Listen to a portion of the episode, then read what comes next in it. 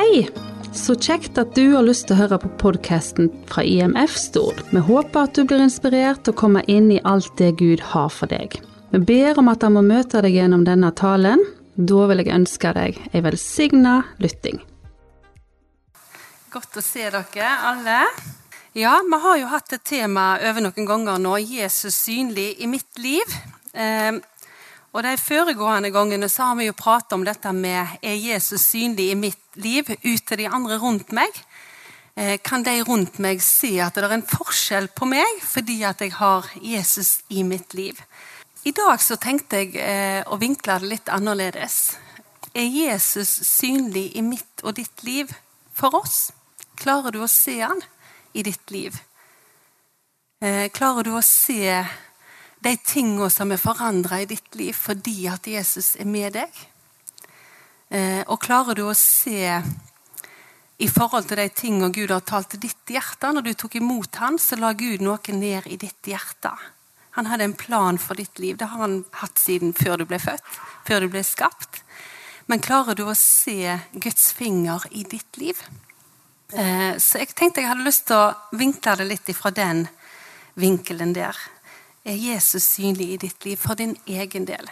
Noen av oss har eh, hatt Jesus i livet siden vi var små, har gått med Jesus en vandring og har lært å kjenne han i eh, tøffe tider og i gode tider. Eh, og en har erfart at Gud er trofast. Eh, så Jesus er kanskje veldig synlig for deg.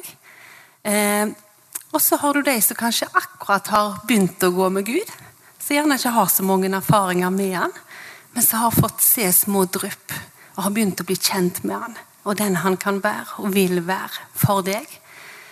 Eh, og så har vi ulike faser. Vi har faser hvor vi kjenner at Gud er veldig nær. Det er lett å merke han, det er lett å kjenne. Vi kjenner at vi er i flowen. eh, og så kan vi ha perioder i livet som vi gjerne som kristne kjenner og betegner som ørkenvandring. Eh, en vandring i livet hvor en syns det er vanskelig å merke Gud. Bønnesvaret uteblir.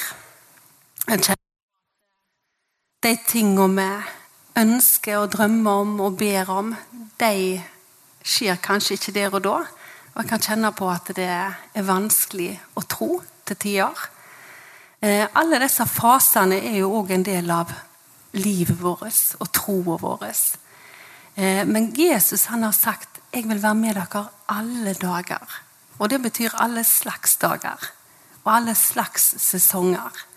Akkurat så verden rundt oss går igjennom vinter, vår, høst og sommer, så gjør òg vårt liv det. Eh, og klart at det kan mange ganger være tøft når det er vinter i livet ditt. Du ser ikke så mye spire og gro, og det er ikke flotte farger. Det, det meste er ganske frosefast. Men så vet vi at når sola og varmen og lyset ifra Gud, ifra himmelen, skinner på det, så vil det måtte smelte. Og så kan det òg vokse opp nytt liv. Men alle disse fasene og disse fasongene går vi jo igjennom eh, som kristne. Eh, ofte når jeg snakker med folk om tro, eh, og kanskje spesielt folk som har levd med Gud en stund, så hører jeg mange ganger de sier at det er når de har hatt de tøffeste fasene i livet sitt, at de har lært Gud kanskje best å kjenne. Gjennom at han var trofast, gjennom at han var med. Gjennom at de opplevde at ikke de gikk gjennom ting alene. Og Jeg har erfart i eget liv òg, når vi har gått igjennom tap, eh, tøffe ting, at eh, en kan kjenne på at en har blitt båren i bønn. Det er òg et uttrykk som vi kristne mange ganger kan si. At en kan merke at de andre rundt deg ber for deg, og på en måte holder deg oppe i bønn, når du sjøl gjerne kjenner på at det er for vanskelig å be, for vanskelig å lese. Så er vi der, og, og om legeme er meint til å være der òg for hverandre, og løfte hverandre, styrke hverandre, være med og bære hverandre i bønn. Eh, og Det er nydelig å erfare og det er nydelig å kjenne, og det gjør òg noe med troa vår på Gud når vi får erfare det i de fasene i livet. Og Mange ganger så er det forunderlig nok sånn at det er ofte da vi er mest åpne òg for Guds inngripen, og kanskje vi kikker mest etter Gud i vårt liv når vi har det vanskelig og tøft. Gjerne er det òg da vi henvender oss mest til Han i bønn og trenger Han. Det burde jo ikke vært sånn. Gud ønsker jo vi skal implementere Han i alle deler av vårt liv. Han vil være med på høyden og han vil være med i dalen, men det er ofte mest i dalen kanskje at vi kikker etter Han. Eh, jeg husker Før jeg ble frelst, så var hun ene av mi eh, ganske ute på kjøret i forhold til narkotika. Og Jeg husker jeg spurte mamma om det. Hvordan i all verden kan du tro på Gud, mamma, når Linn har det sånn? Da kunne det gå tre måneder, et halvt år gjerne mellom hver gang vi hørte livstegn. Eh, og jeg så jo at mamma hadde det kjempetøft. Det var tøffe år. Men hun sier uten Gud Ingvild så hadde jeg aldri klart å komme meg igjennom dette. Det er han som holder meg oppe. Så det har tvert imot styrka troa mi. Og For meg var det helt gresk der og da. Men jeg husker jeg stilte meg spørsmålet hvordan er det mulig å tro på Gud når vi går igjennom sånne ting. Men hun valgte å se etter en Gud som var der. Gav henne små hint til at jeg ser Ingunn. Han minner folk på å be for Linn. Det var mirakler som skjedde midt i krisen. For krisen var der fremdeles. Men Guds hånd var der allikevel og styrka henne i sin tro på at Gud var med. Nå er min søster kom fri eh, og sliter ikke med de tingene i dag. Halleluja. Eh, og det er bønnesvar. Det er skikkelig bønnesvar. Og Gud han svarer oss ikke alltid på den måten vi gjerne hadde tenkt. Noen ganger så er det et kjapt svar der og da. Gud griper inn på mirakuløst vis. Andre ganger så går det tid. Det er ikke opp til oss å vite, men vi kan regne med at det er en som er med, og det er en som tar hånd om de tingene vi villig gir til Han. Og Det er òg utfordringene våre, dette med å løfte det til Gud.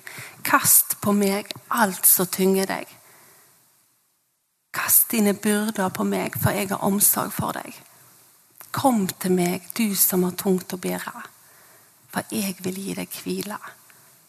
Og Gud ønsker vi skal komme til Han med alle ting. Og jeg tror kanskje mest av alt da så vil Han vise oss at jeg er nær. Jeg ser deg. Jeg kan styrke deg òg igjennom dette. For det er en dødsskyggens dal, men vi kommer igjennom. Så er du i dødsskyggens dal, fortsett å gå. Fortsett å gå igjennom. For det står 'går du igjennom dødsskyggens dal'. Det står ikke at du blir værende der. Eh, så jeg ble veldig minnet på eh, Det er mange eksempler vi kunne brukt i Bibelen. Og det er mange som har opplevd ting som kan være til inspirasjon eh, og oppmuntring for oss. Og det er lett for oss når vi leser Bibelen, så ser jo vi på en måte hele livslinja til den som vi leser om. Og Da er det lett for oss å se Guds hånd, for vi kjenner hele historien. Vi kjenner slutten og utgangen. Men jeg er helt sikker på at de som har gått igjennom disse ulike prøvelsene, kanskje ikke så så veldig Guds hånd når de var midt oppi det. Vi kan lese om Josef. Jeg har lyst til å dra han fram som et eksempel i dag. Eh, for vi ser jo veldig godt Guds hånd i Josefs historie, vi som kjenner historien. Men jeg tenker på ferden hans igjennom dette, så var det nok ikke så enkelt for han å se Gud til hver tid.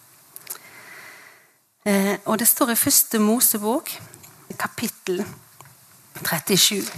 Og vi vet jo at Josef han, eh, han var en drømmer. Eh, og Gud gav han drømmer. Og, og, Josef han var frimodig med drømmene han hadde fått. Vi kan ta et utsnitt her fra vers 6. Han sier da til brødrene sine og foreldrene Dere må høre på denne drømmen jeg har hatt. Se, vi holdt på å binde kornbarn på åkeren, og se, kornbarnet mitt reiste seg og ble stående, mens kornbarnene deres sto i ring rundt og falt ned for kornbarnet mitt. Du kan tro de ble glad for å høre det. Og brødrene han sa til han, skal du virkelig være konge over oss, skal du virkelig herske over oss, så hater de han bare enda mer. For drømmene hans og for det han sa. Så hadde han enda en drøm. Og han fortalte den òg til sine brødre. Se, jeg har hatt enda en drøm. Og se, solen og månen og elleve stjerner falt ned for meg. Han fortalte det til sin far og sine brødre.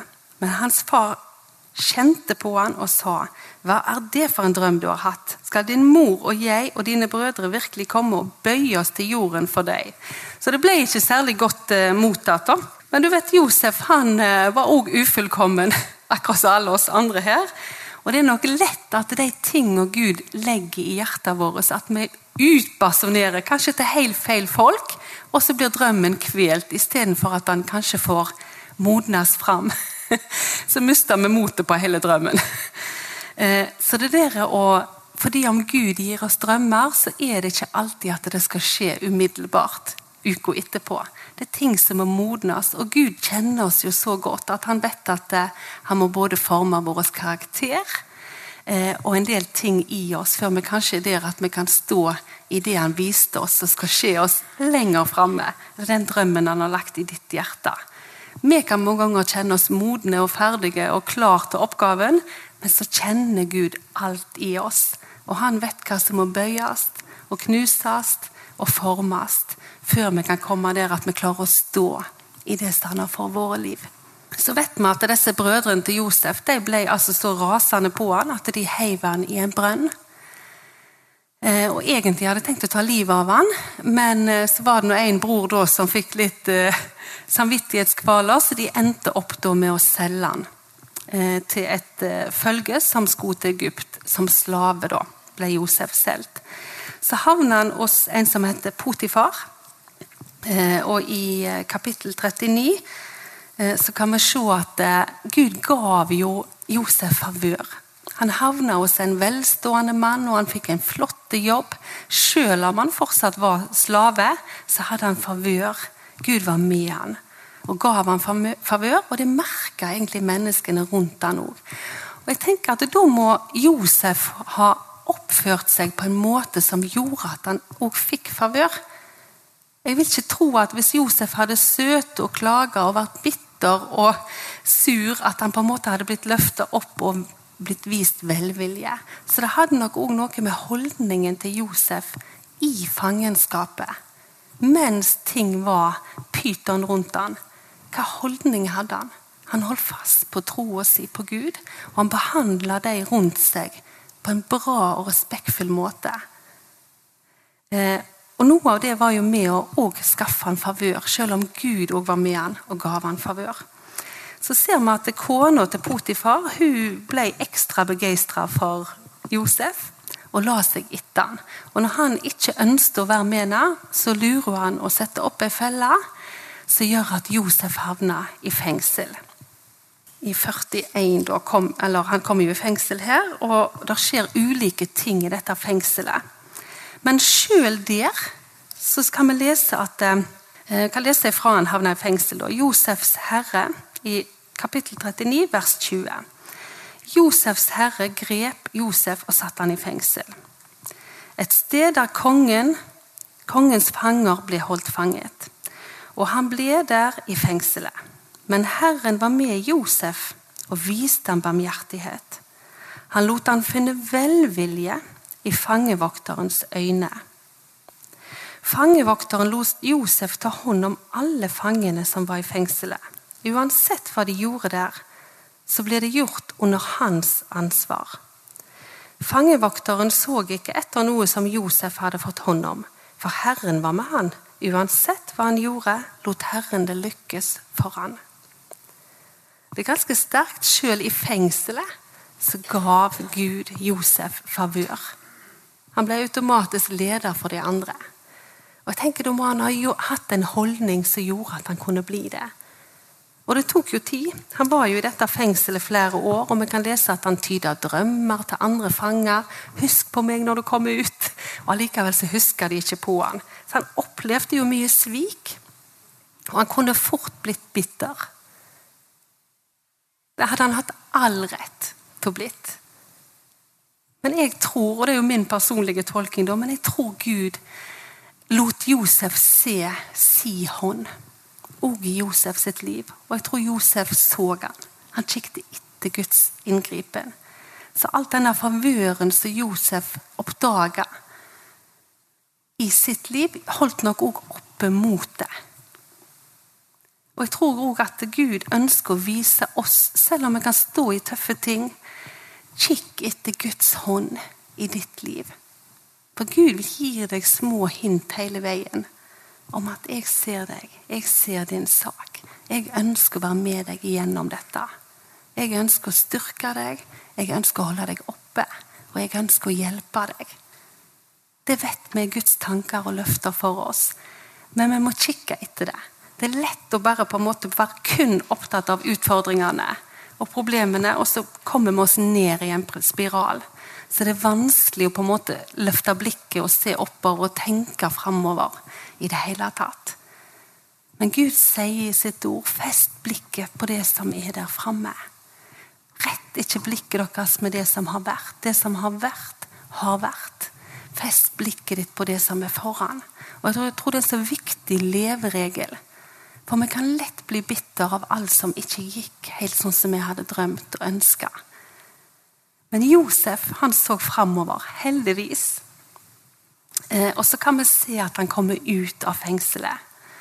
Fordi at Gud gav eh, kongen farao en drøm, og Josef tyder den. Eh, og så blir han satt til å styre farao sitt hus. Han blir satt overalt. Pga. Guds favør over livet sitt så blir han egentlig mirakuløst satt over alt Egypts rikdom til å styre og forvalte det. Og Det er jo fordi at de hadde sett Guds hånd i han. De hadde sett hans forvaltningsevne i fengsel og opp gjennom gradene. Han hadde tjent trofast der han var, med Guds sinnelag. Han hadde gjort det enten det var i fengsel eller på Slottet, med lik på en måte holdning. Holdningen til Josef var at han gjorde det beste han kunne. Han gjorde det excellent med de midlene han hadde, uansett hvor han var. Om han var i det største trengselen i livet, eller om han var og hadde favør. Så gjorde han det med et hjertelag. Eh, og så kan vi jo se i eh, kapittel 42 at brødrene Da ble det jo hungersnød i Egypt. Og så kommer brødrene til Josef i vers 3. Da drog de ti brødrene til Josef ned for å kjøpe korn i Egypt. Eh, og vi ser jo at eh, Josef kjenner de igjen. De kjenner ikke Josef igjen, for han var jo kledd i egyptisk drakt og sminka. Og, eh, men det er jo en rørende historie eh, å lese. Hvordan han møtte de, og hatet kunne jo forferdelig lett tatt overhånd når vi vet hva de gjorde imot ham. Men allikevel så hadde Gud jobba med hjertet til Josef. Han møtte brødrene sine på en måte som er for oss helt uforståelig. Og jeg tenker Vi òg kan oppleve ting i vårt liv, kanskje brødre og søsken som har gjort oss ting som er vanskelig for oss å deale med. Eh, men så står det òg i Bibelen at Gud lar alle ting tjene den til gode som elsker Herren. Så hvis vi lar det, så kan det tjene oss til gode, faktisk de vonde tingene som har skjedd mot oss. Og Guds vei å tenke på er så opp ned i forhold til vår. Så sjøl de tinga som folk bevisst gjorde for å trø deg ned, kan Gud bruke til et gode i ditt liv hvis du lar han. Gud er allmektig. Ingenting er umulig for han. Sjøl de største trengsler vender Gud til det beste for den som elsker Herren.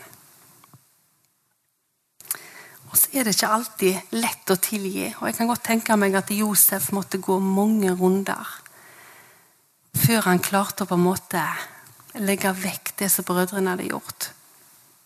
Og det kan godt hende at vi må i våre liv òg. Mennesker som har gjort oss ting som er utilgivelige i våre øyne.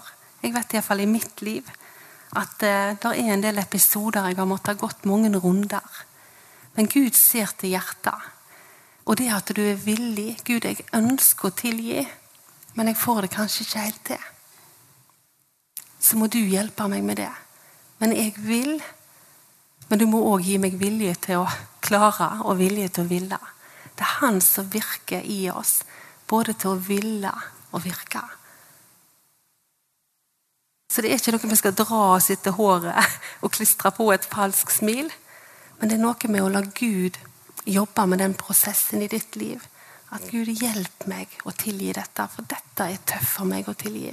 Dette er tøft for meg å legge bak. Det har gjerne råka noe innbørst i meg, og da trenger det tid til legedom.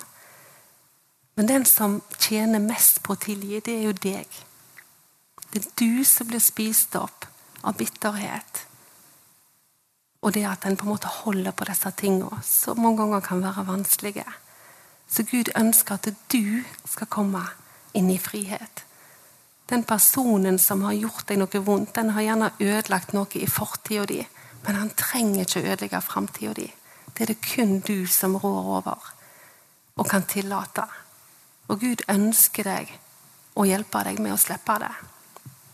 Så Josef møter disse brødrene og vi leser jo det er en nydelig historie når han møter dem igjen og avslører for dem hvem han er.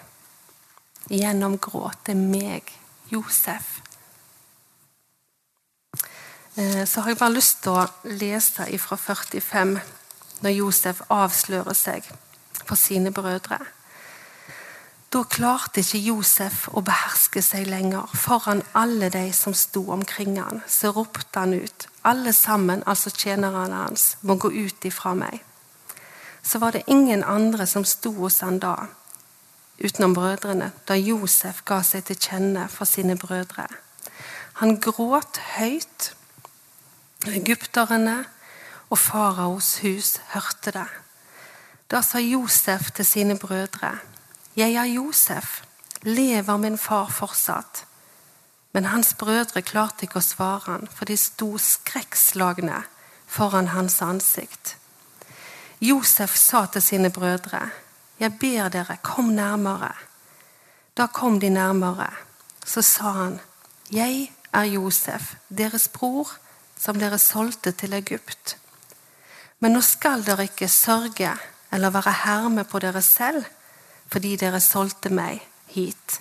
For Gud sendte meg foran dere for å berge liv. For nå har det vært to år med hungersnød i landet, og det vil fremdeles gå fem år til uten at noen får pløyd eller høstet. Gud sendte meg foran dere for å bevare en rest for dere på jorden, og for å berge livet deres gjennom en stor utfrielse. Så det var ikke dere som sendte meg hit, men Gud.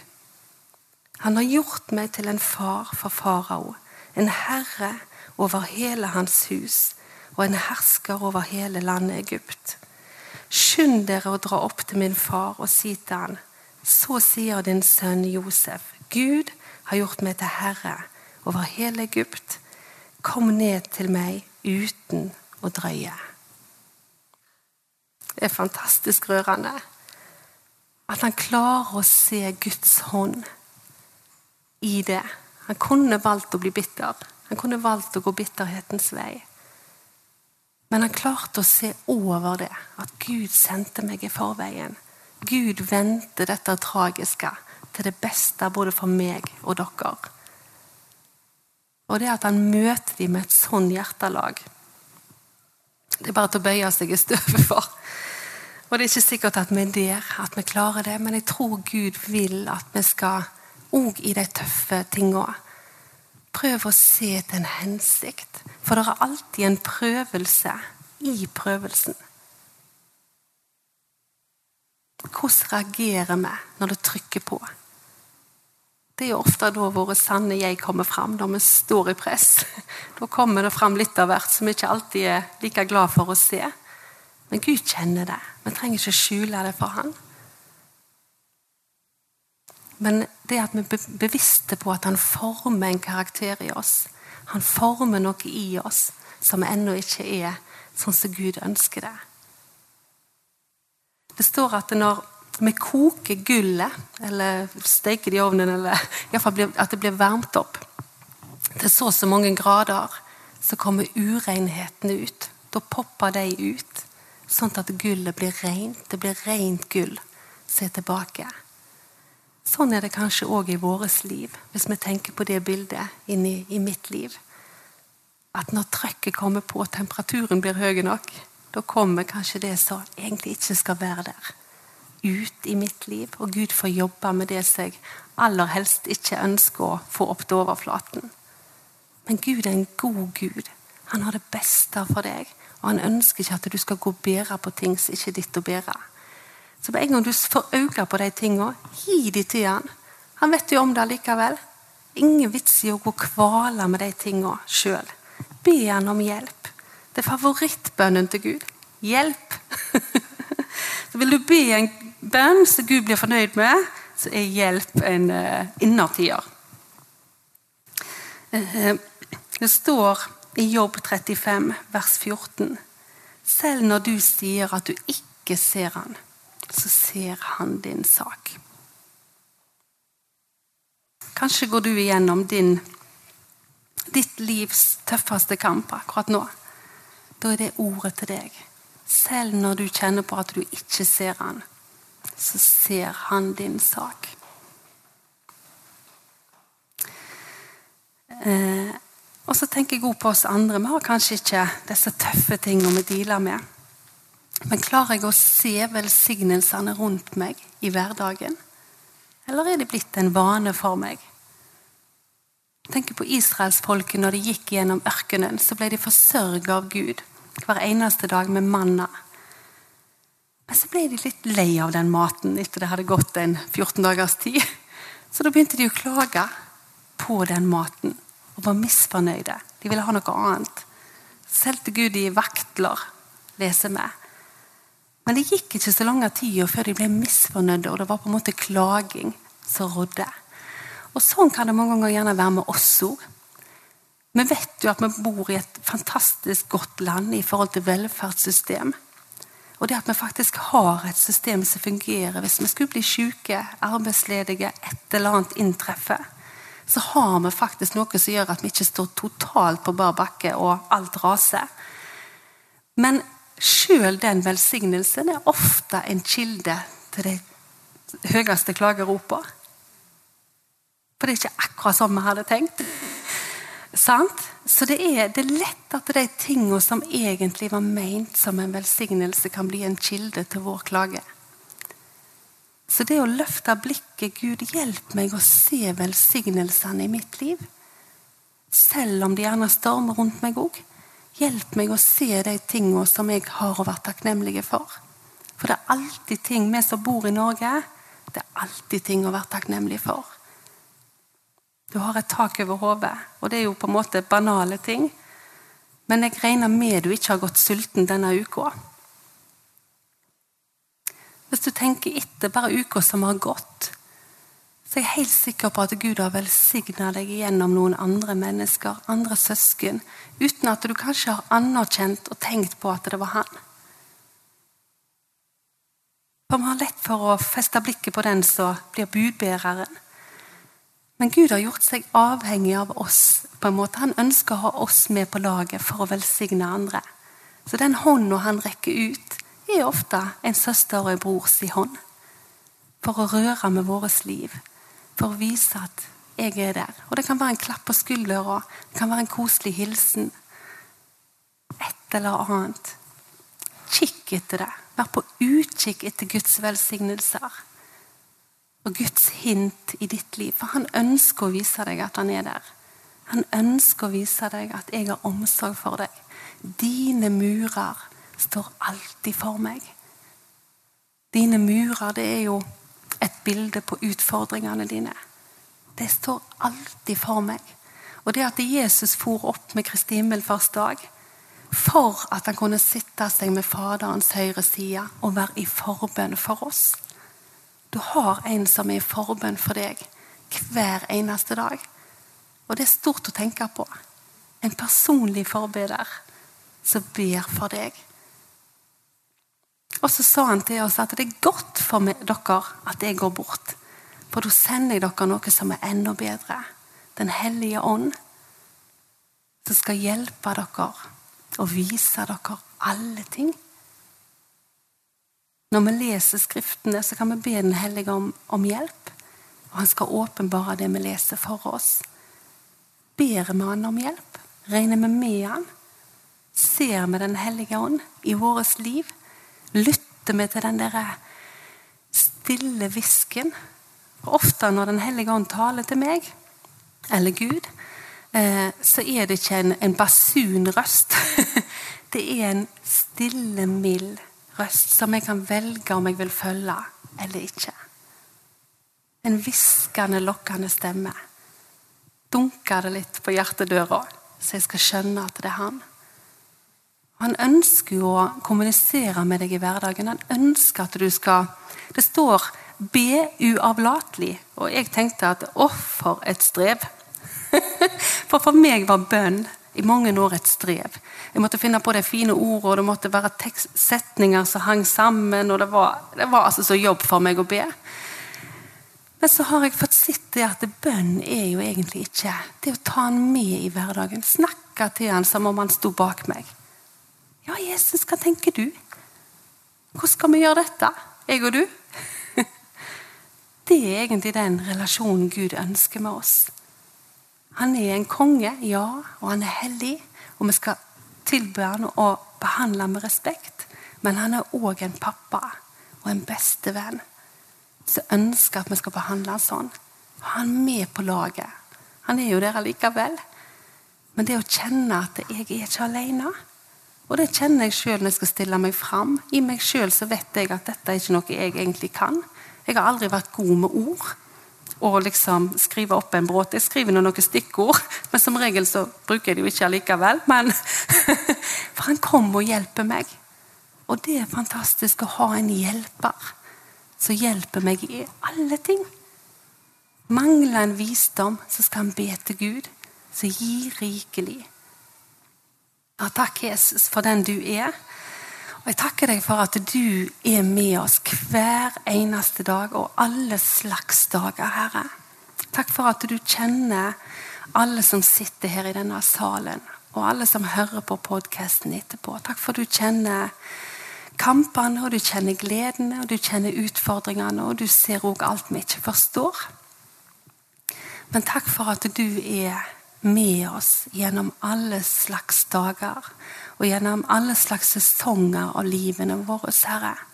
Og takk for at du har tanker til framtid og håp, ikke tanker til noe ond ulykke.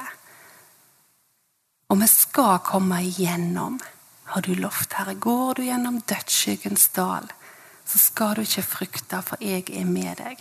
Jeg trøster deg, og jeg styrker deg med min kjepp og min stav, sier du i ditt ord, Herre. Og det er bare å takke med deg for Jesus. Jeg ber om at du skal komme med trøst og legedom for de som trenger det. Og så ber jeg om at du skal hjelpe oss å se deg i de dagene som ligger foran. Se din hånd i vårt liv, og takke deg for det. For når vi takker, så blir vi glad. Da skjer det noe i vårt indre. Da løfter vi blikket, og vi klarer å se deg tydeligere og bedre. Så hjelp oss til det, Herre, å se deg i vårt liv. Gjennom de andre søsknene og gjennom naturen, gjennom alle ting som du taler og vil vise deg gjennom. Så jeg velsigner dere i Jesu navn. Amen.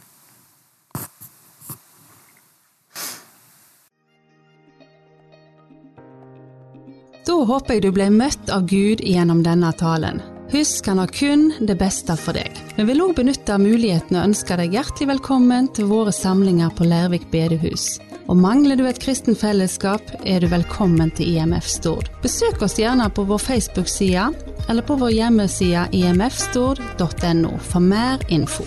Ha en velsigna dag, da, og takk for at du lytta.